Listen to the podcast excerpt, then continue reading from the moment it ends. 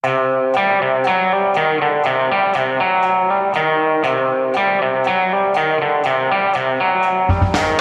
siste blodige slaget om Syria er i gang. Vil Trump be Putin holde seg unna? Og Norge i 2020. Hele Nato er besatt av Kina- og Russland-frykt. Hele? Nei. En liten by i Finnmark nekter å tute med ulvene. Vår uovervinnelige kommentator Tone Sofie Aglen har besøkt dem. Dette er Gjevrøy-gjengen, mandag den 17. januar. Eh, først til Syria, Per Olav eh, Ødegaard. Altså, det er Idlib-området som nå hvor de siste opprørerne har holdt stand, og som nå er i ferd med å bli bombet sønder og sammen, bl.a. ved hjelp av Russland. Ja, det har vært en veldig opptrapping der, som egentlig har pågått noen tid, men det har vært eh, ganske dramatisk nå i det siste. Um, dette er jo et område som det bodde 1,5 million mennesker der før, før krigen. Nå er det kanskje 4 millioner der. Eh, mange flyktet dit eh, eh, i andre faser av krigen. Og nå har de på en måte ikke noe sted å flykte. Likevel så har vi sett at det er et sted mellom 800 og 850 000 som da har reist fra sine hjem de siste ukene, siden desember. Og de, en del av de søker da mot nordover, da, for å komme unna kamphandlingene mot den tyrkiske grensen, som er stengt. Uh, men de har egentlig ingen sikre områder igjen. Og 80% i hvert fall av de som nå flykter, er kvinner og barn. Nå er det en del hva skal vi kalle dem, alternative stemmer som hevder at de som nå holder standard, er egentlig islamistene, det siste resten av IS. Og det er jo eh, delvis riktig, fordi det er jo da eh, eh, ytterliggående islamister som har kontrollert en god del av Idlib. Det har vært ulike grupper av opposisjon der, men det er utvilsomt riktig at de har en ganske viktig De kontrollerer ganske mye av dette. Fordi en stor del av den øvrige opposisjonen er jo, blitt, er jo blitt nedkjempet. Samtidig så er det også grupper i dette området som eh, er mer moderate, og som støttes direkte av Tyrkia.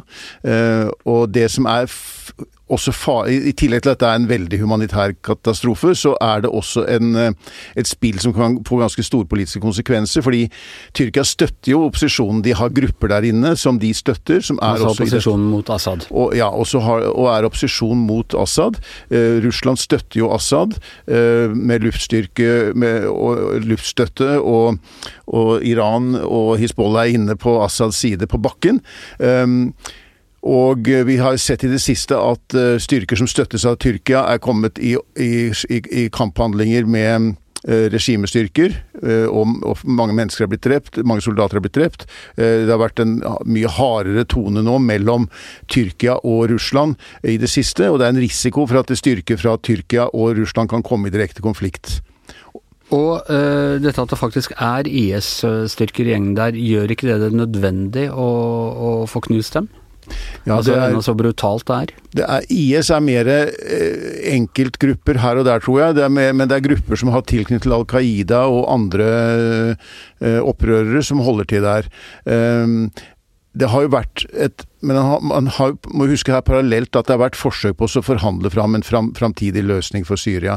Men det er på en måte veldig vanskelig å få til forhandlinger om en slags maktfordeling eller om et framtidig Syria, så lenge nå ser Assad at han har mulighet til, antagelig, å knuse det som er igjen av opposisjon. Så hvis målet er på en måte å gjenvinne fullstendig kontroll over hele landet, ikke gå veien om forhandlinger og en slags maktfordeling og et nytt system, så kan dette bli veldig blodig og farlig. Og vi skal også huske på at USA har beholdt en liten styr gruppe styrke her, de også. De, de, står med 500 mann i den nordlige delen.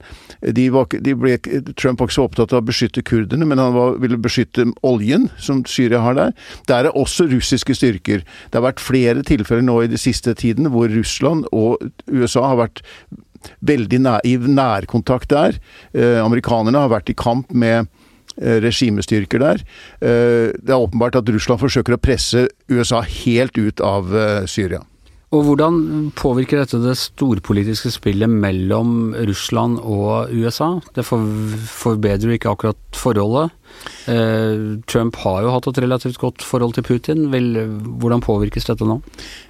Ja, nå har jo eh, Trump snakket jo med Tyrkias president eh, Erdogan nå i, eh, i helgen, og har da uttrykt støtte til, til Tyrkia og bedt om at Putin og Russland må, må trekke eller redusere sin støtte til Saddam, Assad.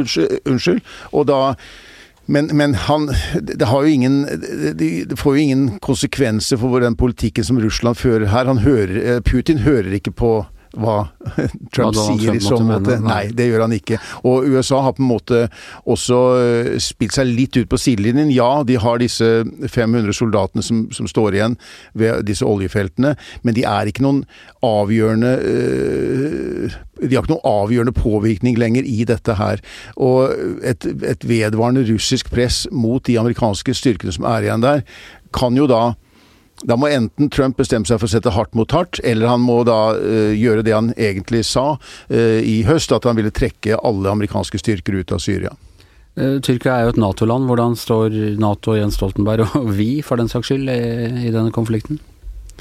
Ja, vi eh, Det er jo ikke noe som på en måte aktiverer noe slags eh, felles eh, forsvar av alliansen, dette. Og Tyrkia har jo vært en, en, vanskelig Altså det har ofte vært problemer med Tyrkia, forholde seg til Tyrkia i, av de andre Nato-landene. De har valgt at det er viktig å beholde Tyrkia innenfor alliansen, men, og man har tilbudt Tyrkia forsvarsvåpen eh, eh, for å trygge grenser osv. Men, men dette er ikke noe som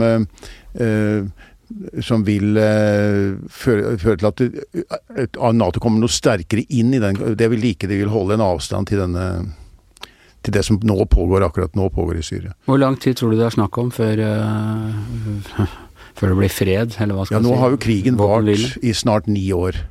Eh, en halv million mennesker er døde. Halve befolkningen er blitt jaget på flukt.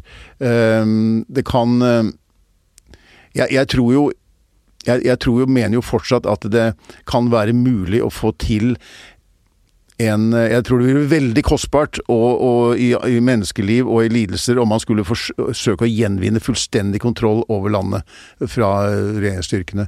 Hvis de hadde gått inn på en uh, forhandlingsvei her, som det finnes muligheter for å søke forhandlinger for å løse de uh, gjenstående problemene og unngå det siste store blodbadet. Men uh, hvis det skal bli krig, så vil det pågå i, i måneder, tror jeg. Ja, det er en, en eh, fortvilet situasjon, uh, som ikke er, eh, er, over med det første. Uh, forrige uke så la den norske etterretningstjenesten, eller Forsvarets etterretningstjeneste, fram sin sikkerhetsvurdering og trusselvurdering i Norge i en rapport som, årlig rapport som heter Fokus 2020. Og her var det i år økt vekt på den faren som Russland, vår tradisjonelle fiende, kan du si, men også Kina spiller i, i sikkerhetsvurderingen. Og ikke minst eh, på de områdene hvor Kina og Russland har felles interesser, bl.a. I, i Arktis, hvor de samarbeider eh, en del. Og Tone Sofie, du har akkurat vært i Finnmark. Eh, hvordan ble dette oppfattet der? Nei, eh, jeg var jo i Kirkenes på den årlige Kirkeneskonferansen, og det er på en måte en, en ganske spesiell greie i Norge. For det, det har liksom vært en sånn møteplass for uh, russisk og norsk næringsliv. Pomorhandel? politikere ja, ja, og det var en ganske sånn viktig, tradisjonsrik greie. Og i år så var det på en måte det nye der var at også Kina var på en måte løfta opp som et stort og viktig tema, og kinesiske ambassadøren, var der. Slo hardt tilbake mot E-tjenesten, som de mente både var feilaktig og, og full av fordommer. Og, og, det som er fascinerende å oppleve der, er jo at uh, synet på og forholdet både til Russland og Kina avviker ganske mye fra liksom, det, det, tradisjonelle. Og, og, det er mange der, ikke minst ordføreren i Kirkenes. Eh, Rune Rafaelsen, Arbeiderpartiet, er ganske markant ordfører, som har uh, reagert veldig sterkt på det de opplever som en sånn mistenkeliggjøring av det, det forholdet folk der har til Russland. Men eh, de er med på også der at Russland og Kina ikke bare har gode hensikter, f.eks. Kina når de ønsker å investere tungt i infrastruktur i, i, andre land, eller mener de at dette er ren dette er bare næringsinteresse fra Kinas side? Ja, altså, tror, folk der er jo ikke naive heller, men jeg tror det er en veldig sterk opplevelse av at øh, resten av Norge, og ikke minst Europa, ikke er så fryktelig opptatt av øh, nordområdene, Arktis, mens du fra Russland, og ikke minst nå etter hvert fra Kina, har en veldig stor interesse, veldig mye penger. Eh, så vi ser jo for første liksom, En åpenbar ting er jo en del av gatebildet, eller det er jo ikke så veldig mye gater heller, da, men, men eh, kinesiske turister har virkelig dominert sterkt Eh, eh, særlig på vinterhalvåret, og veldig synlig. Det er mye planer om å bygge luksushotell, og, og, det er jo på en måte et område som vi tradisjonelt ikke har akkurat har valfarta til om vinteren. Men det andre er jo på investeringssida, at uh, man mer og mer er og får kinesiske penger til prosjekter og Og det er cruise i, i Arktis og, og, i det hele tatt det åpner seg muligheter for alle de såkalte arktiske nasjonene.